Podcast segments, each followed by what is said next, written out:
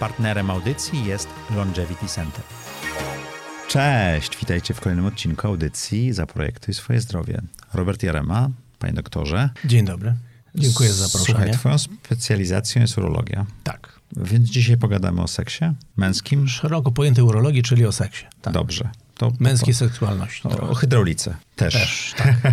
Słuchaj, y, mieliśmy odcinek, w którym rozmawialiśmy o różnych zmianach, co jest ważne, co, nie, co, co nieważne. To był e, odcinek 2 plus 1, teraz jesteśmy sami. Dwóch facetów może porozmawiać o zdrowiu. Co się dzieje z naszym libido, e, jak się starzejemy, jak tyjemy, jak chorujemy, jak ta energia życiowa i energia seksualna zmienia się w naszym życiu? Ja po pierwsze jeszcze raz dziękuję za zaproszenie, bo faktycznie po tym poprzednim odcinku bardzo wiele osób zgłosiło się właśnie z tematem zaburzeń libido, więc oglądacie i bardzo dziękuję i cieszę się, że powstały z tego pytania. E, tak, no Naturalne jest to, że organizm się starzeje. Mhm. Starzeje się, to znaczy bardzo wiele funkcji życiowych spowalnia, zmniejszają się też nasze doznania różnego rodzaju i to się odkłada także i przekłada na nasze libido. Ja jeszcze raz powtórzę dla osób, które nie oglądały po raz pierwszy, że jestem wielkim zwolennikiem teorii libido, takiej ją pierwotną wymyślił e, Zygmunt Freud, który mówił, że libido to jest całość tej energii życiowej, która powoduje, że mężczyzna jest mężczyzną. To się zawężyło potem do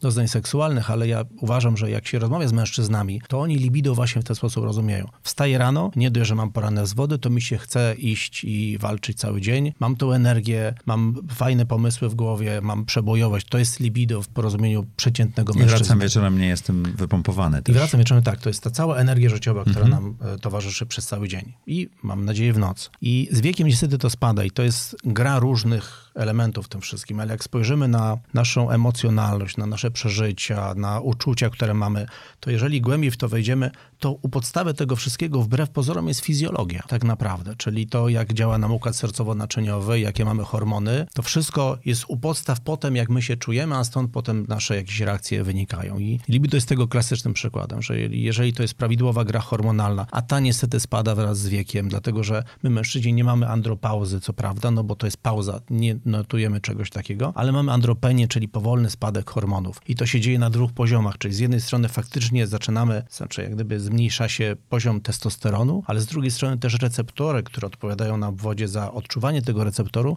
głuchną, no, zmniejsza się ich I nawet jak mamy dużo testosteronu, to on niekoniecznie Czasami tak jest bywa. odbierany. Czasami tak bywa, że niezależnie od poziomu testosteronu, czasami jego nie czujemy. Spada nam też wydolność organizmu, której nie podtrzymujemy, a więc też układ sercowo-naczyniowy, metabolizm spowalnia. Choć ostatnio, muszę tutaj powołać się na taki artykuł z 2022 roku e, w czasopiśmie Science, więc bardzo mocnym czasopiśmie. To było badanie przeprowadzone przez wiele, wiele lat w 29 krajach, więc wieloośrodkowe i ponad wszelką wątpliwość udowodniono, że po takim buście metabolicznym, który mamy w wieku pokwitania 13, 17, 18 lat, ustala nam się metabolizm, to jak pozyskujemy energię, jak ją wydatkujemy w organizmie, około 20 roku życia i nieprzerwanie na tym samym poziomie trwa do 60 roku życia. Czyli jeżeli po drodze coś się dzieje, gorzej się czujemy, to jest czysty lifestyle. My potencjał w naszym organizmie mamy 20-latek i 60-latek ma taki sam. To jest niesamowite w Czyli ogóle. 40 lat jedziemy na mniej więcej tym samym poziomie. Tak jest. Czyli naprawdę bardzo wiele można w tym czasie uzyskać. Nikt nie twierdzi, że po 60 to nagle spada, ale ten do 60 naprawdę jest to fantastyczny poziom metabolizmu, więc wie o co walczyć. Także e, wracając do pytania, z wiekiem niestety nam libido opada, choć nie powinno i są różnego rodzaju metody, aby je zachować i utrzymać. E, To wróćmy na chwilę do tego porannego wzwodu, o którym mówiliśmy. Jako nastolatek nie mamy z tym problemu. Co rano budzimy się praktycznie i mamy wzwód. Jako 20-30-latek to też jest dość często, ale po 40, po 50 to już nie jest takie oczywiste, że coś takiego mamy. Co to oznacza? Czy to jest naturalny proces, czy to jest coś, e, o co należy się martwić? Jest taka teoria i bardzo prawdopodobne, że jest prawdziwa, że e, poranne wzwody to jest bardzo ważny element e, funkcjonowania układu sercowo-naczyniowego. Otóż prącie jest takim tak zwanym polem najdalszym, czyli krew tam musi wpłynąć, ona nie płynie przez prącie po to, żeby płynąć dalej, przy okazji zaopatruje prącie w tlen i składniki odżywcze. I e, w momencie, kiedy jest prącie nie we wzwodzie, to ta krew tam gorzej krąży.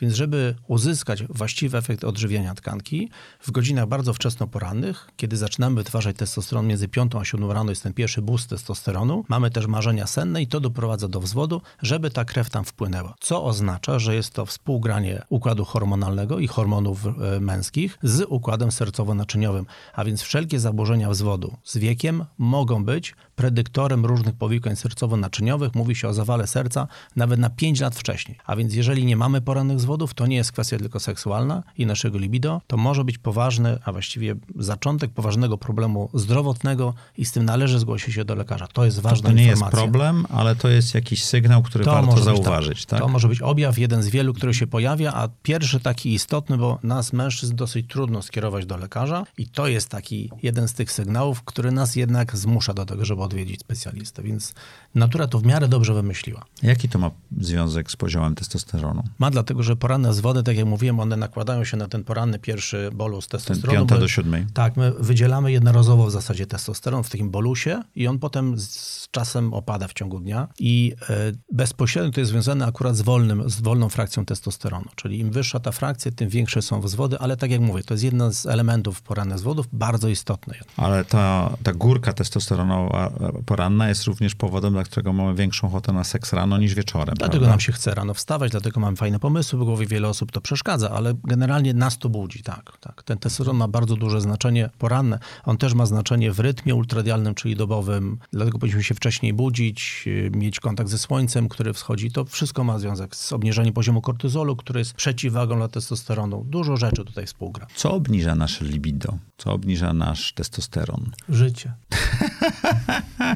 Niestety wszystko i muszę powiedzieć, że cywilizacja nas mężczyzn zabija. Mówię teraz w, w wyjątkowo mężczyzn. Cywilizacja w sensie stres, czy cywilizacja Tak, w sensie stres, jedzenie? Znaczy, y, wszystko tak naprawdę w za dużym wymiarze. My multitasking na przykład zabija mężczyzn. My jesteśmy w miarę jednozadaniowi, czyli nadmiar tych wszystkich rzeczy naraz powoduje podwyższenie stresu, podwyższenie tego hormonu stresu, czyli kortyzolu, który sam w sobie jest bardzo dobry, ale nadmiar tego kortyzolu przez wiele, wiele lat powoduje jednak blokadę receptorów androgenowych, czyli już gorzej działa testosteron, już gorzej nam się funkcjonuje. Także myślowo, nie tylko mówimy o, y, o seksualności, więc y, brak ruchu jest dramatyczną rzeczą. Muszę powiedzieć, że ruch jest bardzo naturalną rzeczą dla mężczyzn. My się powinniśmy poruszać. Jest to istotny element naszej fizjologii. Zwyodrzewianie. Tkanka tłuszczowa, jak wiesz doskonale, robiliśmy te badania na deksie i jest tkanka tłuszczowa ta podskórna, efekt czysto taki estetyczny, ale jest też tkanka tłuszczowa ta w środku brzuchu, której nie widać. Ten krak, ten potwór, który się czai w głębi. E, Ona i ta wytwarza tkanka, dużo estrogenu, prawda? ona nie wytwarza estrogenu, tylko ona przetwarza testosteron do estrogenu. Okej. Sam estrogen nie jest zły, bo wzajemna relacja testosteronu do estrogenów jest bardzo ważna, natomiast jeżeli nadmiar tego drugiego jest, no to wtedy jest niedobrze. Co więcej, ta tkanka tłuszczowa produkuje takie molekuły prozapalne, które blokują jądra w produkcji testosteronu, co więcej, blokują także przysadkę mózgową, więc znikąd pomocy. Blokada przysadki mózgowej nie stymulujemy jądra, same jądra są zablokowane, nie produkują testosteronu, a ten, który jest wyprodukowany, przetwarzany jest do estradiolu.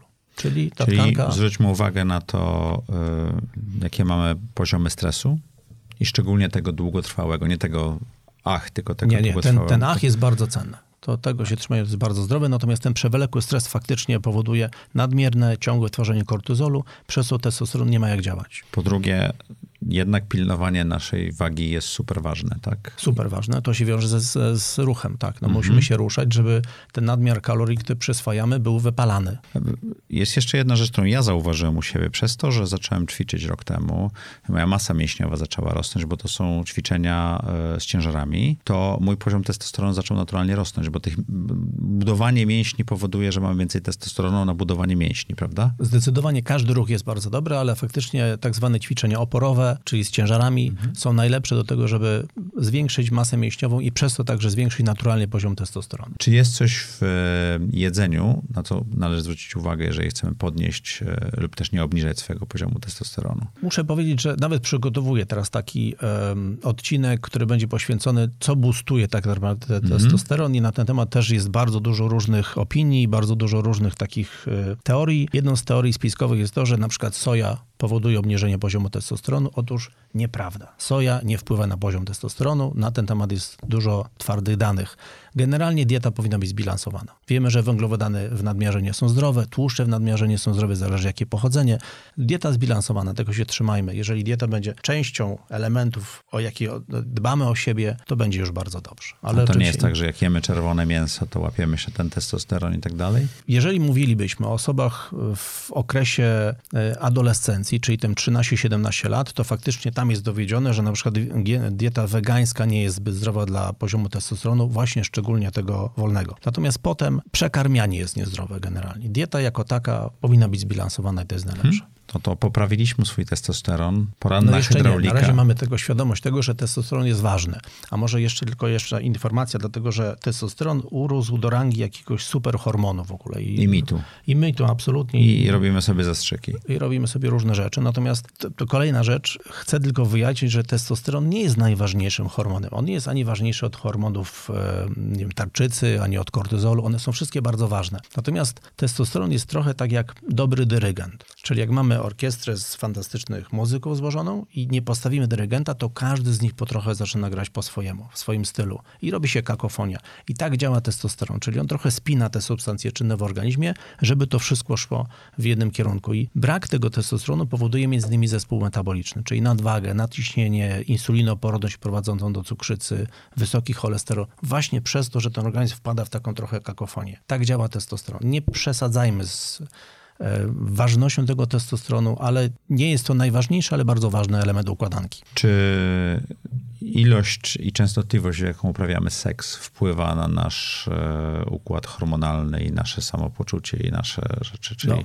no, pyta pytanie brzmi, jak często uprawiać seks? Tak, tak? to jest, to jest Czyli... pytanie to do tego stopnia. Najczęściej. Do tego stopnia jest to bardzo ważne pytanie, że na ten temat jest bardzo wiele danych medycznych, wręcz robione są badania kliniczne. Jest takie bardzo słynne badanie z 2019 roku, o ile się nie mylę, gdzie zbadano, że żeby osiągnąć nawet poziom zabezpieczenia przed rakiem prostaty, do tego stopnia rozciągnięto, nie tylko o to, że uprawianie seksu poprawia wydolność organizmu, więc pracę serca, nie tylko daje regularne, znaczy daje relaksację i uspokojenie, nie tylko powoduje na przykład jedynym momentem, kiedy jesteśmy tu i teraz mindfulness jest właśnie uprawianie seksu, więc też skupia naszą uwagę, poprawia sen, to bardzo dużo ma zalet, ale okazało się, że uprawianie seksu może też działać przeciwnowotworowo, tym przypadku rak prostaty został zbadany i się okazało, że są dowody na to i policzono, że mężczyzna miesięcznie powinien współżyć minimum 21 razy. Czyli okay. w, zasadzie, w zasadzie codziennie z krótkimi przerwami na posiłki. I to jest versus 4 do 7 razy na miesiąc, czyli raz na tydzień, średnio może dwa razy na tydzień. To jest bardzo istotna statystyczna Niezależnie różnica. od wieku?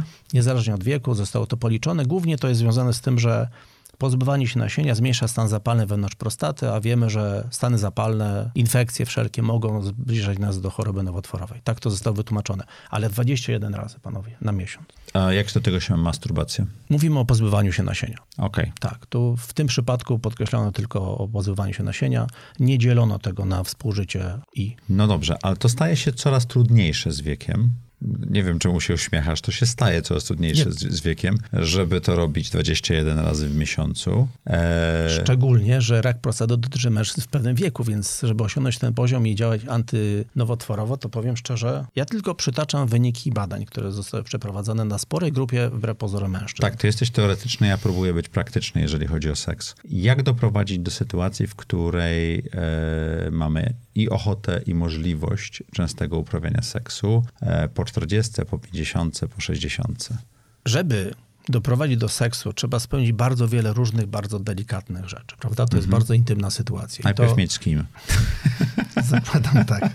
Ale teraz tak, zakładam, że to jest oczywista sprawa. Natomiast y, faktycznie osiągnięcie tego to jest bardzo intymna sytuacja. Ja na przykład widzę, jak współpracuję, pracuję z mężczyznami, że my jesteśmy w tej sferze bardzo wrażliwi. To jest jeszcze mhm. taki ważny element, a mianowicie bardzo łatwo zawstydzić mężczyznę w sypialni. To jest bardzo trudne i dlatego na przykład leki, które poprawiają wzwód, różnego rodzaju preparaty, które zwiększają przepływ przez ciała jamiste prącia, bez nazw, jak rozumiem. E, nazwą czynną mogę tylko powiedzieć, jest na przykład sildenafil albo tadalafil. To, to są leki, które bardzo dużo dały mężczyznom w tej chwili, dlatego że oni nie mogąc się wykazać w sypialni, mieli z tego powodu lekką depresję. Ta depresja powodowała, że następnym razem też nie mogli się wykazać i zaczynał się taki, taki krąg, tak, zaciśnienie wokół szyi i te leki pomagają mężczyznom wrócić do sportu. To nie jest leczenie przewlekłe, niewątpliwie, nie można tego mhm. stosować długotrwale. Są już dane jednoznaczne, że przewlekłe stosowanie tych preparatów może pogarszać trwale wzrok, więc to nie jest lek na zawsze, ale jako powrót do normalności,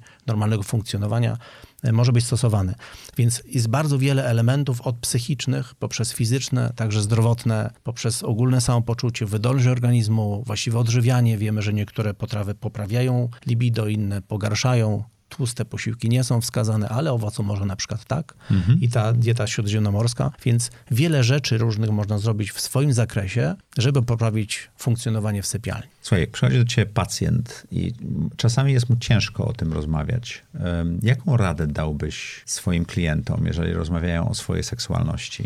Ja w ogóle muszę powiedzieć, że trochę podziwiam tych moich klientów, bo przyjść do obcego faceta, który siedzi na biało i tak się wynurzać z bardzo intymnych rzeczy, to jest wielka odwaga i bardzo dziękuję za to. Muszę przyznać, że bardzo wielu mężczyzn przychodzi już przygotowanych, ma bardzo dużą wiedzę, już przeżytało swoje, lubi te rozmowy i niewiele trzeba im poukładać w głowach, żeby zaczęło to dobrze funkcjonować. Natomiast najbardziej boi się, boję się takich osób, które przychodzą z e, jednoznaczną deklaracją i chcą, wiedzą, co im potrzeba, potrzebują złotej tabletki, szybkich rozwiązań, to to nie jest najlepsze rozwiązanie, bo te szybkie rozwiązania są na krótką metę. I potem, jeżeli była jakaś patologia, a my e, przyjmiemy tabletkę, która jak gdyby, przykrywamy tą patologię, nie pozbywamy się jej, to ona wybrzmi potem po, po dwakroć. Więc dlatego namawiam do takich rozsądnych, długotrwałych zmian, które dają bardzo stabilny efekt i można się długo cieszyć i bawić. Jest takie pojęcie jak suche wytryski. O co chodzi? To jest jedna z tych rzeczy, która ostatnio zaczęła być modna. E, suty- Suchy wytrysk ma dwie główne przyczyny, dobrą i złą generalnie. Zła jest wtedy, kiedy jest to objawem jakiejś patologii. Może być po leczeniu, po radioterapii, po operacjach, wtedy, kiedy nasienie po wytrysku nie wychodzi na zewnątrz przez cewkę moczową, tylko cofa się do pęcherza moczowego. To jest tak zwany wytrysk wsteczny. Mężczyźni są wtedy bardzo rozczarowani, ich partnerki także, bo to jest trochę niecodzienna sytuacja. Czyli mężczyzna ma orgazm, Ma orgazm, tylko ale nie nie ma ma wytrysku. nie ma wytrysku. I to jest, jeżeli takie rzeczy się dzieją, to pierwszą rzeczą faktycznie jest, trzeba wyjaśnić patologię, z jakiego powodu to może być. Może być prosta rzecz, tak jak mówię, anatomiczne powikłanie polekowe, ale czasami to jest coś poważniejszego, trzeba to sprawdzić. Ale też jest teraz taka moda i zaczęła się od jakiegoś czasu w internecie coraz więcej informacji pojawiać na temat tak zwanego, to się nazywa prostatic orgazm, bo po polsku brzydko to brzmi tam sterczowo orgazm prostatyczny. Natomiast jest to orgazm, który jest ostatnio modny, polegający na tym, że mężczyźni wstrzymują się od wytrysku, żeby przedłużyć jak najbardziej przyjemność. I jeżeli jest to jest znowu robione bardzo tak technicznie, a technika jest znana od wieków, bo to powstała... To technika tantryczna. technika tantryczna i ona teraz została udoskonalona. Jeżeli ktoś umie to robić, ma te wszystkie ćwiczenia jelenia i całe resztę po drodze, wzmacniania mięśni kegla, to jest to całkiem dobry pomysł. Muszę powiedzieć, mam wielu pacjentów, którzy stosują to i faktycznie opowieści o doznaniach, jakie mają, są niewiarygodne, pozazdrościć. Natomiast jeżeli ktoś robi nieprawidłowo, to bardzo często te osoby mają takie dosyć ciężkie powikłania w postaci zawalenia prostaty. I to jest słaby pomysł. Więc jeżeli chcemy się bawić w takie rzeczy, to przynajmniej spróbujmy udać się do osoby, która potrafi tego nauczyć, bo to jest technika, którą można wyćwiczyć. Więc nie mówię nie, ale trzeba umieć to robić i robić umiejętnie. Ostatnią rzecz, którą chciałem ciebie zapytać, bo mówiliśmy dużo o testosteronie, mówiłeś, że to nie jest najważniejszy hormon, ale dyrygent i tak dalej, demistyfikujemy Niektóre osoby muszą suplementować testosteron, bo ich gonady nie wytwarzają odpowiedniej ilości i jeżeli nie planują mieć już dalej dzieci, to, to to jest dobra metoda. W którym momencie należy poważnie myśleć o suplementacji testosteronu i na co zwrócić uwagę, zanim się rozpocznie? Ja jestem wielkim zwolennikiem suplementacji testosteronu, jeżeli jest to potrzebne. Wiemy, Okej. że kobiety mają okres menopauzy, biorą hormony i nic takiego złego się nie dzieje. Podobnie dotyczy to mężczyzn. Jeżeli mężczyzna wchodzi w okres tej andropauzy tak zwanej, to przychodzi taki moment, kiedy trzeba powiedzieć faktycznie, żeby utrzymać się na tym samym poziomie funkcjonowania, mieć tą samą myśl w głowie, ten sam błysk wokół i tak samo ciało funkcjonujące, ja muszę wspomóc się czymś z zewnątrz. Natomiast trzeba pamiętać o tym, że w absolutnej większości tych osób to jest decyzja na całe życie. Czyli jak zacznę brać, jeżeli moje gonady są słabe, nie produkują wystarczającego stężenia testosteronu, po to biorę, żeby mieć go wyższego. To na pewno nie wrócę do tego testosteronu sprzed brania. Czyli zakładam, że będę brał testosteron do końca życia. I wiele osób sobie nie zdaje z tego sprawy. Bo organizm dostosowuje się do tego, że ma Znaczy, zewnętrzne źródło, tak? Dokładnie tak. Przestają gonady funkcjonować. Zresztą jeden z objawów źle ustawionych pacjentów jest właśnie zanikanie gonad. To jest ten słynny tam objaw właśnie brania testosteronu. Więc to jest pierwsza informacja, którą trzeba wiedzieć. Niezależnie od wieku, jeżeli ktoś ma 50 lat, łatwiej mu to przyjąć. Jeżeli ktoś ma 30 lat, także musi wiedzieć, być może tak będzie się, tak się skończy. I mam takich pacjentów, którzy zaczęli brać testosteron, żeby przejść jakiś cykl kilkumiesięczny, poprawić swój wygląd i się okazało, że mieli tak słabe gonady pierwotnie, że nie mogą wrócić do swojego, swojej produkcji, co między innymi, między innymi przekłada się na płodność. Dlatego, że u wielu, nie wszystkich, podkreślam, ale u wielu osób branie testosteronu z zewnątrz kończy się bezpłodnością. Nie u wszystkich. Natomiast Czyli pierwsza rzecz to jest zbadanie swojego organizmu. Sprawdzenie, czy faktycznie jest tak, że moja oś hormonalna jest silna czy słaba. I, i to nie jest też jedno badanie testosteronu, to trzeba powtórzyć w czasie, jest, prawda? W ogóle to nie tylko testosteron, to jest cały okay. zestaw badań hormonalnych, cała ta oś hormonów płciowych i wtedy patrzymy, czy te osoby mają wydolną oś, możemy spróbować, czy też nie, czy to jest taka decyzja na całe życie. Po drugie, trzeba wiedzieć o tym, że branie testosteronu to nie tylko sam testosteron.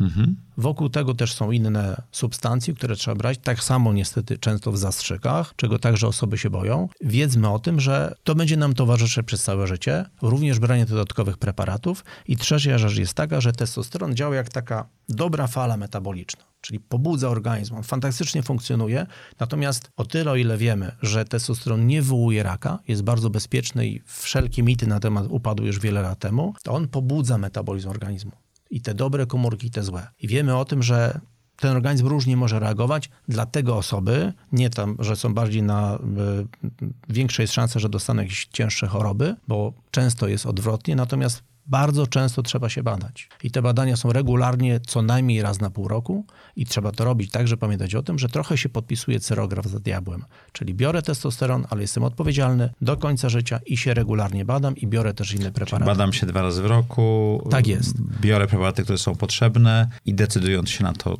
tak, ale gra jest warta świeczki, jak najbardziej. Tylko mhm. trzeba o tym wiedzieć, że to są też, że to jest miecz obosieczny, że ma swoje zalety i ma wady i często jak już przyzwyczajamy się do wyższego poziomu testosteronu i cudownie się czujemy, z czasem przestajemy czuć ten testosteron, no bo jest fajnie, już bierzemy rok, dwa, trzy, ale obowiązki pozostają, czyli częste badania, zastrzyki raz na jakiś czas. Różne są spo, sposoby przyjmowania, bo są też y, transdermalne postaci. To trzeba by ustawić e, taką osobę. Natomiast jak gdyby motyle w brzuchu się kończą, Czyli już nie czujemy, że to jest taka decyzja jak na początku, a obowiązki pozostają. I to także trzeba wiedzieć i wiele osób wtedy chciałoby zrezygnować, bo już nie za bardzo im się uśmiecha przychodzić i e, dostawać zastrzyki w jakimś cyklu, no ale już jest za późno. Także tak trzeba do tego podejść. Ale sama substancja, rewelacja. Dziękuję Ci ślicznie. Bardzo dziękuję. E, dziękuję Wam. Mam nadzieję, że te tematy, o które pytaliście dość dużo, udało nam się rozszerzyć. Jeżeli chcielibyście coś wiedzieć więcej o męskim zdrowiu, napiszcie koniecznie w komentarzu i do zobaczenia w kolejny poniedziałek.